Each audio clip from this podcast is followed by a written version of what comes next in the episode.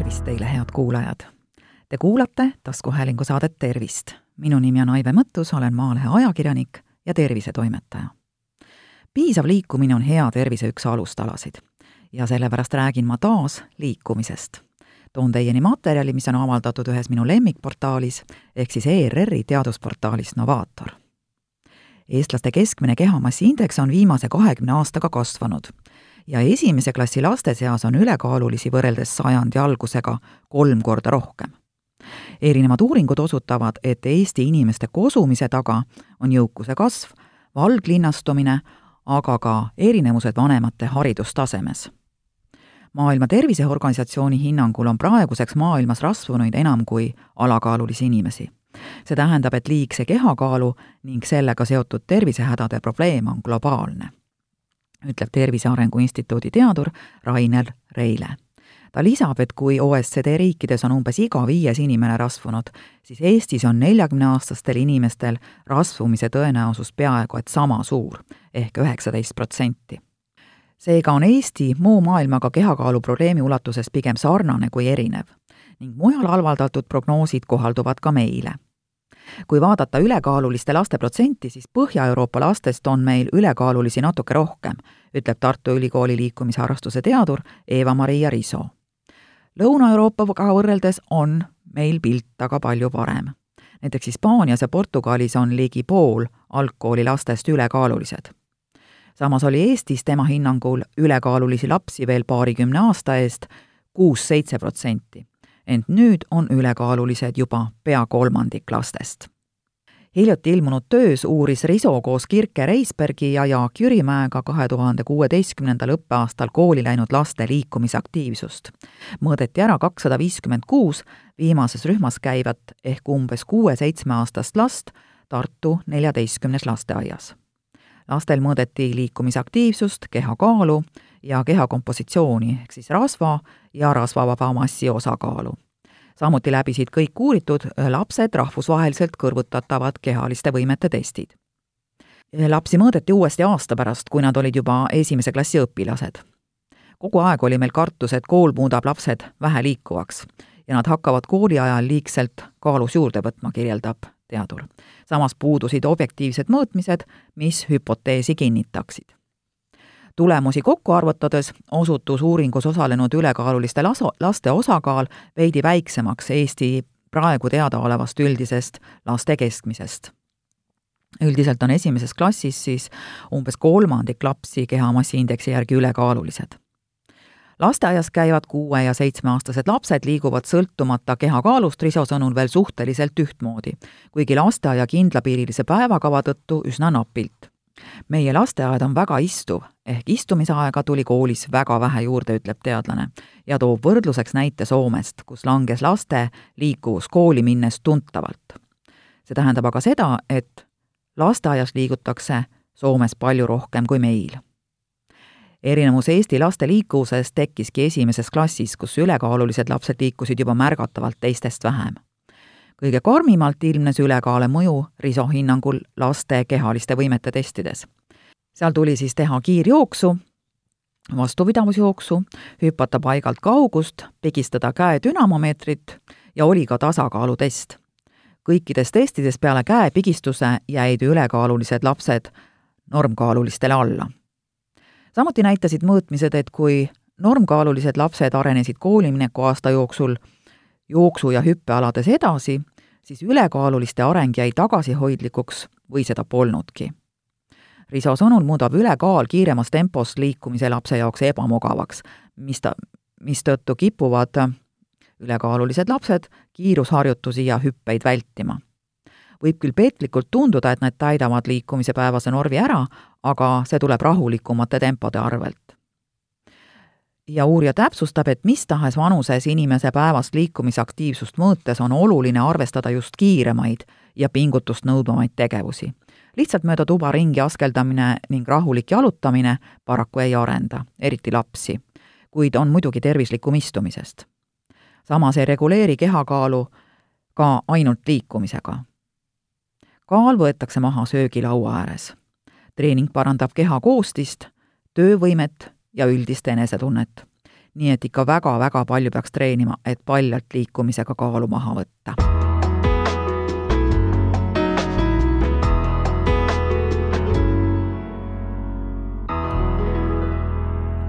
Eva-Maria Riso sõnul määrab laste kehalises aktiivsuses suure osa kodu me oleme alati uuringutes küsinud ka lastevanemate enda haridustaset ja liikumisaktiivsust ning sealt on tulnud välja väga huvitavaid näitajaid, ütleb ta. Selgub, et kõrgharidusega vanemad suunavad oma lapsi rohkem liikumisharrastuse juurde. juba lasteaias käivad nad rohkem organiseeritud treeningutes. sagedasema trennis käimise tõttu on haritud vanemate lapsed kehaliselt aktiivsemad ning ka vastupidavamad kuna vastupidavus on seotud südame-veresoonkonnaga, on neil lastel vanemaks saades väiksem risk põdeda südamehaigusi. siit tuligi üks uuringu järeldus, et kuna haritud vanemate lapsed on eelisseisus, siis on lasteaial ja koolil just tasandamise töö vaja ära teha. vaja on väiksemate koduste eelistega lapsed järele aidata ja rohkem liikuma suunata. kuna uuringutes vaadeldi nuputamistestide abil ka laste vaimsete võimete ja kehalise aktiivsuse vahelist seost, ilmnes teinegi kõrgemalt haritud vanemate laste eelis. Need lapsed said vaimsete võimete testides paremaid tulemusi. Samas osutusid testides teistest nupukamateks ka liikuvad ja trennis käivad lapsed. laiemas plaanis on Riso sõnul Eesti perede kehalises aktiivsuses tekkinud aga nõiaring noor perekond ostab uue korteri piirkonda, mis jääb sageli kaugele koolist või lasteaiast sest äh, kesklinnas pole sobiva suurusega pindu sageli saadagi. siis tuleb laps viia transpordiga lasteaeda ja sealt ka tagasi tuua. õhtul on aga väljas juba pime ja märg. Ning kodu juures liikumist jääb lapsel väheseks. ehkki äärelinnas asuva kodu juures võib olla suur ja liikumiseks sobiv hoov, ei saa laps tiheda päevakava tõttu seda nädala sees sageli kasutada just vahetult enne kooli minekut ja algklassides on hästi kriitiline iga, kus lapse liikumisharjumus tuleks luua, soovitab teadlane. kuue- või seitsmeaastane laps on juba piisavalt õpivõimeline ja teadlik, et eduelamuste pinnalt püsiv harjumus omandada. Trennist loobutakse uurija sõnul tihti paha hoopis teismeeas, kui üks huviring vahetatakse teise vastu või siis loobutakse kasvanud koolikoormuse tõttu huvitegevusest üldse inimese vanuse ja kehakaalu seos on seletatav üksteist täiendavate füsioloogiliste, ainevahetuslike ja elustiili teguritega. veidi lihtsustavalt võiks öelda, et pärast kolmekümnendaid eluaastaid hakkab keha lihasmassi osakaal tasapisi vähenema ja langeb energiavajadus, ütleb Tervise Arengu Instituudi teadur Rainer Reile. lisaks soosivad vanusega keharasvade kogunemist hormonaalsed muutused ja üha istuvam ja vähem aktiivne eluviis koos Aleksei Baburini, Mall Leinsalu ja Tatjana Veidemanniga uuris Reile eestlaste keskmise kehamassi indeksi ja rasvunute osakaalu muutusi ajas. meie uuringus suurenesid mõlemad näitajad vanuse kasvades nii Eesti naistel kui ka meestel, ütleb ta. kui aastatel tuhat üheksasada üheksakümmend kuus kuni üheksakümmend kaheksa oli neljakümneaastase mehe keskmine kehamassi indeks kakskümmend viis koma kuus, siis paarikümne aasta pärast ehk aastal kaks tuhat kuusteist kuni kaks tuhat kaheksateist oli see kerkinud kahekümne seitsme peale. naistel on vastav muutus väiksem, kuid kerge tasvutrendi leiab siitki. Ehkki Reile sõnul ei saa uuringu andmete põhjal põhjuslikke järeldusi teha, näeb ta ometi, kuidas aastatel tuhat üheksasada üheksakümmend kuus kuni kaks tuhat kaheksateist ühiskonnas toimunud muutused on kujundanud Eesti inimeste eluviisi inimeste sissetulekud on kasvanud, nad on oma tervisest teadlikumad, ent riigis on ühiskondlik ja piirkondlik areng kujunenud ebaühtlaseks. näiteks valglinnastumise üheks praktiliseks tagajärjeks võib olla see, et tööle jõudmiseks tuleb kasutada autot, seletab teadur. teisalt on tervisekäitumise andmetes näha, et ka töö ise eeldab üha vähem füüsilist koormust ja kui nüüd veel sõita autoga ka poodi ja mujale, siis ongi tervikuna kehaliselt aktiivsena oldud aeg päevas väiksem. Reile sõnul tõusis Eesti inimeste kehamassi indeks märgatavalt kiiremini kriisieelsel majanduskasvu perioodil aastatel kaks tuhat neli kuni kaks tuhat kaheksa. Teaduskirjandus osutab, et majanduskasvuga kaasnev jõukus toetab tihtipeale ebatervislike eluviiside kasvu. samas kasvab kehamassi indeks ühes sissetulekuga ainult teatud piirini. stabiliseerub seal ja hakkab siis teatud sissetulekutaseme juurest hoopis langema ka Eesti täiskasvanud rahvastiku tervisekäitumise uuringu andmetes on näha, et kuigi tervisespordi harrastamine on ajas kasvanud, nagu ka üldine terviseteadlikkus näiteks toitumise teemadel, siis ikkagi joonistuvad äh, siit välja hariduslikud ja sissetulekuga seotud erinevused, ütleb Reile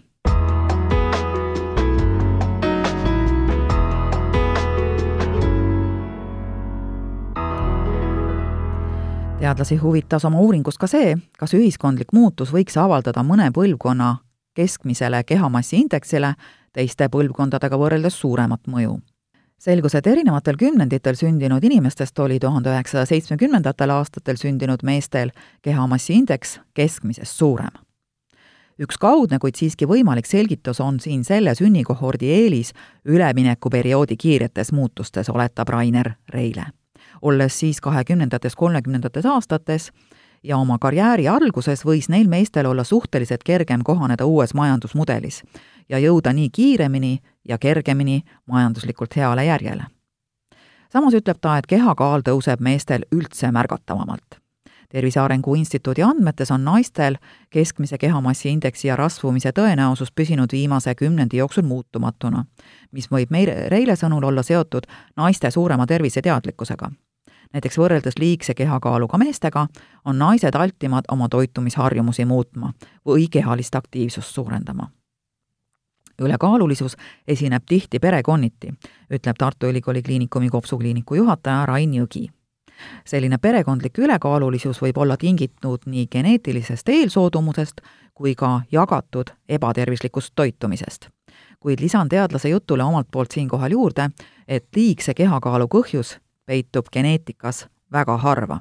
olen sellest ühes oma varasemas saates rääkinud, otsige see üles ja kuulake. samas on doktor Jõgi sõnul teada, et ülekaalulisus on astma riskitegur.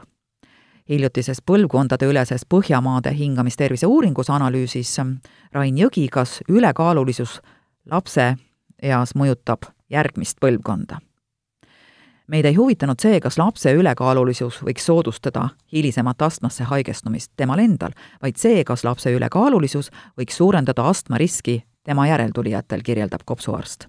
samas vaadeldi uuringus seda, kas vanema ülekaalulisuse tõttu suurema astmariskiga järeltulijad on samuti pigem ülekaalulised või mitte.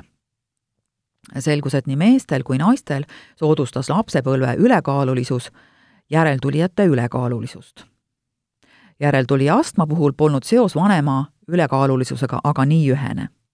leidsime, et mitteallergilist astmat on rohkem nendel lastel, kelle isa oli puberteedieas ülekaaluline. see seos ei sõltunud lapse enda ülekaalulisusest, märgib Jõgi. mitteallergilist astmat oli kopsuarsti sõnul rohkem ka nende isade lastel, kes olid ülekaalulised enne puberteeti, aga ainult siis, kui laps ise oli enne puberteeti ülekaaluline naiste lapsepõlve ülekaalulisus nende laste astmat ei mõjutanud. doktor Jõgi sõnul on uuringul aga laiem sõnum. seni on rohkem teada olnud ema rasedusaegse tervisekäitumise olulisusest.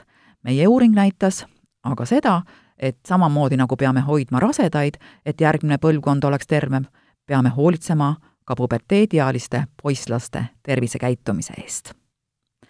head kuulajad, see oli siis väike ülevaade Eesti teadlaste töödest, millest lühike kokkuvõte on avaldatud ERR-i teadusportaalis Novaator.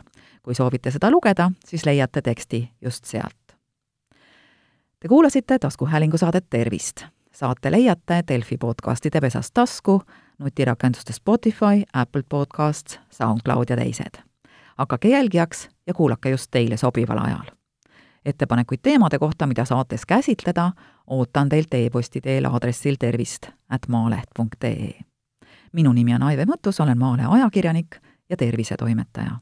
tervist teile!